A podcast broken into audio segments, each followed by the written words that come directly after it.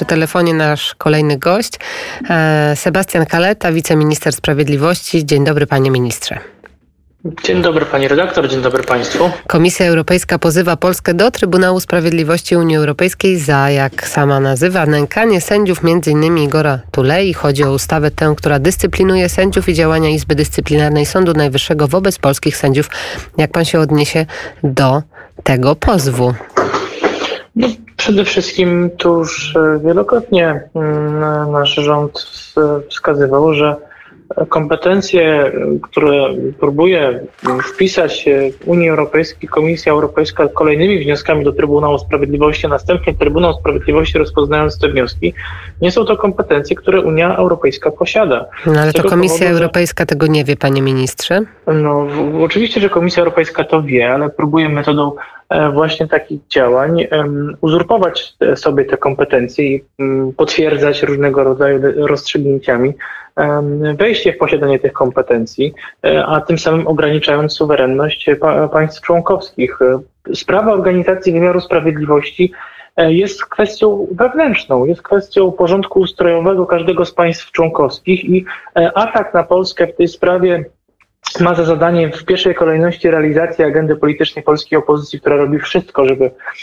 torpedować działanie aktualnego rządu, a z drugiej strony Komisja Europejska ma taki cel długofalowy, by właśnie te kompetencje Unii Europejskiej przekazywać państw członkowskich bez zmiany traktatów, a traktaty w żadnym swoim przepisie nie przyznają ani Trybunałowi Sprawiedliwości, ani Komisji Europejskiej możliwości władczego Rozumiem, panie ministrze. Czy działania Komisji Europejskiej w tym zakresie są całkowicie bezprawne? Dokładnie tak. No, ale jednak podam Komisja przykład, Europejska cały czas działa w tej sprawie. Przykład, podam, tak. Panie redaktor, podam przykład. Sprawa immunitetów. E, w, nie, w Polsce sędziowie mają immunitet, Wynika to z polskiej konstytucji. Natomiast e, są państwa członkowskie, w których sędziowie w ogóle nie posiadają immunitetów. Na przykład we Francji, w Niemczech sędziowie immunitetów nie posiadają. Zatem stosując podstawowe rozumowanie prawnicze, dlaczego Komisja Europejska twierdzi, że procedura immunitetowa w Polsce jest niezgodna z prawem unijnym w sytuacji, gdy w ogóle prawo unijne nie wymaga procedury immunitetowej? Dlaczego Komisja Europejska nie pozwa Francji i Niemiec, że sędziowie tam nie mają w ogóle immunitetów? Więc no to jest e, pytanie, tak, to jest pytanie do, do przedstawicieli komisji. komisji Europejskiej, a pan jest w ogóle za tym, żeby były immunitety sędziowskie, czy nie? E, uważam, że dorobek polski ustrojowy wskazuje na to, że e, zabezpieczenia ustrojowe, które polska konstytucja gwarantuje sędziom, są na o wiele wyższym poziomie niż w, e, pozostałych państwach. I o ile system immunitetowy działa prawidłowo, a szereg zmian, które wprowadziliśmy, na przykład wskazując Izbę Dyscyplinarną w Sądzie Najwyższym, ten standard E, podnosi, jeśli ta ochrona immunitetowa nie jest nadużywana, jak było w poprzednich latach, to rzeczywiście jest to dobry instrument. Natomiast widzimy, że jest próba nadużywania tego immunitetu w poprzednich latach, jest próba torpedowania poprawy tej sytuacji. E, zatem. E, to może w ogóle by było lepiej znieść, panie ministrze, ten immunitet i dla posłów, wymagało, i dla sędziów. Panie, panie redaktor, wymagałoby to zmiany konstytucji, natomiast pragnę wskazać naszym słuchaczom, że we Francji, w Niemczech sędziowie immunitetu nie mają. No to może powinniśmy w tę, w tę stronę e, iść. Ale to wie pan, panie ministrze. Tak, rozumiem, ale to może powinniśmy właśnie w tę stronę pójść. Wtedy nie byłoby takich sytuacji, jak sytuacja z panem posłem Nitrasem, gdzie y, pojawiła się informacja w, w mediach o wniosku właśnie o uchylenie panu posłowi Platformy Obywatelskiej immunitetu, po czym on zamieścił w mediach społecznościowych film, który odniósł się do działań prokuratury w ogóle byśmy nie mieli takich spraw. Immunitetu nie ma, jest normalne orzecznictwo, normalna karalność posłów, senatorów, sędziów. No, postawa pana Nitrata jest kuriozalna, bo liczne są dostępne akty jego przemocy. E, jakkolwiek to prawnie byśmy sklasyfikowali, to ewidentnie pan poseł Nitrat w wielu sytuacjach swojej aktywności publicznej próbował używać przymusu fizycznego wobec swoich politycznych oponentów, e, a wskazywanie przez niego, że jest tak uczciwym obywatelem, który jest prześladowany, no, jest w tej sytuacji dosyć kuriozalne, bo wiele tych jego zachowań przecież jest nagranych i można z łatwością je obejrzeć i ocenić.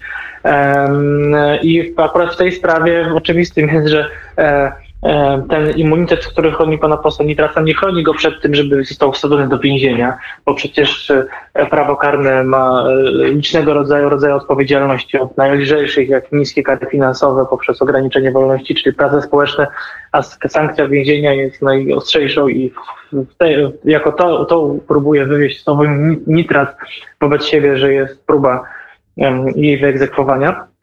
E, no i oczywiście e, to e, łączenie kwestii odpowiedzialności za tego typu zdarzenia z kwestią posiadania immunitetu jest ciekawym wejściem w dyskusję. Natomiast ona jest o tyle abstrakcyjna, że wymagałoby, tak jak powiedziałem, zmiany konstytucji i wydaje mi się, że większości konstytucyjnej do tego, żeby właśnie wszystkim władzom, bo każdy i sędzia i poseł ma, to jest władza różnego rodzaju, żeby władze nie miały immunitetu wymagałoby dwóch trzecich, przynajmniej w parlamencie i wydaje mi się, że niestety e, opozycja nie zgodziłaby się na to, żeby sędziom odbierać immunitety, e, więc e, wydaje mi się, że to jest na razie dyskusja abstrakcyjna, a to, co my podjęliśmy w ramach zgodnego z konstytucją działania, czyli zmiany ustaw, które regulują prawidłowy bieg realizacji ochrony immunitetowej i ewentualnego jej zdejmowania, kiedy są ku temu rzetelne podstawy. Takie A widzimy, że opozycja dzisiaj mhm. próbuje kompletnie sparaliżować system immunitetowy. Na przykład, gdyby Komisja Europejska, wracając do poprzedniego pytania, skutecznie przed Trybunałem uzyskała zabezpieczenie E, tego wniosku, który złożyła, to nie można byłoby na przykład uchylić immunitetu sędziemu, który ostatnio była sprawa sędziego, który ma zarzuty o gwałt. I zgodnie z tym wnioskiem nie można byłoby go sądzić.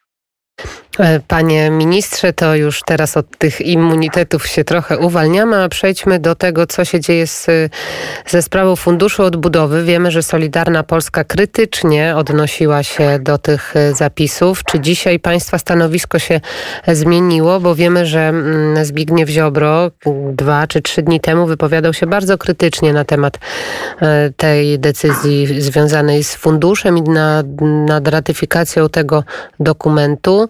Jak pan dzisiaj patrzy, bo te prace cały czas postępują i są bardziej zaawansowane? E, no przede wszystkim należy rozdzielić kwestie potrzeb inwestycyjnych po pandemii, które rzeczywiście prace trwają, a od tego, jaki mamy e, stan e, faktyczny, aktualny niezmienny, to znaczy akty prawne, które na poziomie Unii Europejskiej zostały przyjęte i muszą być dla wejścia w życie ratyfikowane również w Polsce, i te akty prawne unijne niestety e, konsekwentnie patrzymy na nie krytyczne, bo krytycznie, ponieważ pełny pakiet e, budżetowy to jest po pierwsze rozporządzenie, które warunkuje wypłaty od decyzji Komisji Europejskiej po arbitralnych decyzjach i możemy mieć na papierze naprawdę setki miliardów euro wpisane, natomiast to, czy i na co to wydamy, będzie decydowała Komisja Europejska. To jest po pierwsze bardzo niebezpieczny mechanizm, który ogranicza polską suwerenność, który my od wielu miesięcy apelowaliśmy, że Polska powinna bardziej zdecydowanie ten mechanizm blokować, do czego niestety w grudniu nie doszło. Drugi element to jest kwestia konstrukcji budżetu unijnego i zaciąganie pożyczek przez Unię Europejską na Fundusz Odbudowy. Tutaj e, jest bardzo, można powiedzieć, precedensowa e, propozycja, żeby Unia Europejska mogła zaciągać własne długi e, na poczet różnych projektów. E, a państwa członkowskie by gwarantowały spłatę wzajemnie swoich zobowiązań. No i tak, tutaj pojawił się ten wątek, i tak. Jest, i, tu, i, tu, I tu rzeczywiście jesteśmy również krytyczni. To jest jeden z elementów tego pakietu. Natomiast jest e, kwestia dotycząca w ogóle potrzeby środków na, na inwestycje po kryzysie pandemicznym. I tutaj my, nasza postawa jako Solidarnej Polski służy temu, by po pierwsze chronić środki, które się Polsce z, z Unii Europejskiej należą, przed ich arbitralnym odbieraniem przez Komisję Europejską. Z drugiej strony jesteśmy przeciwni niby e, to Unia Europejska zaciągała zobowiązania na potrzeby Polski i nas z tego rozliczała, ponieważ Polska na taki Rozumiem panie ministrze, ale to mamy, mamy 58 tak, tego typu działania Polski rząd 58 miliardów euro, z czego 20, niemalże 4 to są dotacje, a 34 to są e, 20, 34 miliardy hmm. euro to są pożyczki. To rozumiem, że co? Że dotacje powinniśmy wziąć, a pożyczki nie? E, nie, powinniśmy w tego rodzaju fundusz e, możemy samodzielnie zaciągnąć zobowiązanie, nie wobec Unii, tylko wobec po prostu rynków finansowych. I uważa pan, że to jest Polska... realne, realna możliwość, że to jest jeszcze możliwe? No bo to już są chyba decyzje takie mm, mocno zaangażowane i już y, mocno zaawansowane. A czy, a czy to już są decyzje, które zostały podjęte i my wskazujemy, że E, kierunkowo od początku prace powinny zmierzać właśnie w kierunku tego, żeby Polska nie, nie powiększała kompetencji Unii Europejskiej, by realizować Rozumiem, czyli jeżeli będzie, jeżeli będzie głosowanie odnośnie ratyfikacji tego dokumentu, to państwo będą hmm. przeciwni w takiej formie. Dokładnie tak, bo po pierwsze my te pożyczki wobec Unii Europejskiej musimy spłacić, a te dotacje to nie są darmowe obiady, e, tylko te dotacje Polska będzie spłacała poprzez nowe podatki, które Unia Europejska będzie ściągała. Polska będzie musiała płacić 500 milionów euro rocznie tak zwanej opłaty od plastiku, a w planach są opłaty cyfrowe, podatek od transakcji finansowych. No i jeszcze CO2, tak, i na koniec I wszystkie tak. te opłaty będzie pozyskiwała bezpośrednio opłat... Unia Europejska, a nie Polska. Panie... Polska takich opłat nie mhm. będzie mogła do swojego budżetu pozyskiwać. Panie ministrze, i na koniec pytanie, co się stało z projektem ustawy związanej z, y, z cenzurą w internecie, bo był taki projekt Solidarnej Polski, państwo o tym mówili i co, utknęło to gdzieś? E, projekt oczywiście został przekazany do e, Kancelarii Prezesa Rady Ministrów e, do dalszego procedowania. Niestety do dzisiaj nie został mu nadany odpowiedni bieg, Dlaczego? żeby można było no tutaj ja nie jestem władny odpowiadać za przedstawicieli Kancelarii Prezesa Rady Ministrów, niemniej ubolewam, że tak ważna sprawa, która jest istotną przeszkodą dla dobrej jakości debaty publicznej, nie te gwarancje wolności słowa nie są E, nie są e, wprowadzane w Polsce. E, tym bardziej, że no niezależnie od poglądów politycznych wiele osób i z Polski, również ze świata pozytywnie odnosiło się do tej koncepcji. No, mam nadzieję, że jednak te przepisy, które zostały szczegółowo opracowane, przygotowane, będą jednak procedowane z tego powodu, że musimy jako państwo dbać o to, żeby wielkie korporacje zagraniczne nie decydowały, co w Polsce można pisać w internecie, a czego nie można pisać według własnego arbitralnego I tutaj stawiamy osądu. kropkę. Pan Sebastian Kaleta, wiceminister sprawiedliwości. Bardzo dziękuję za rozmowę i życzymy pięknych, spokojnych świąt. Wzajemnie zdrowych, spokojnych świąt dla wszystkich Państwa.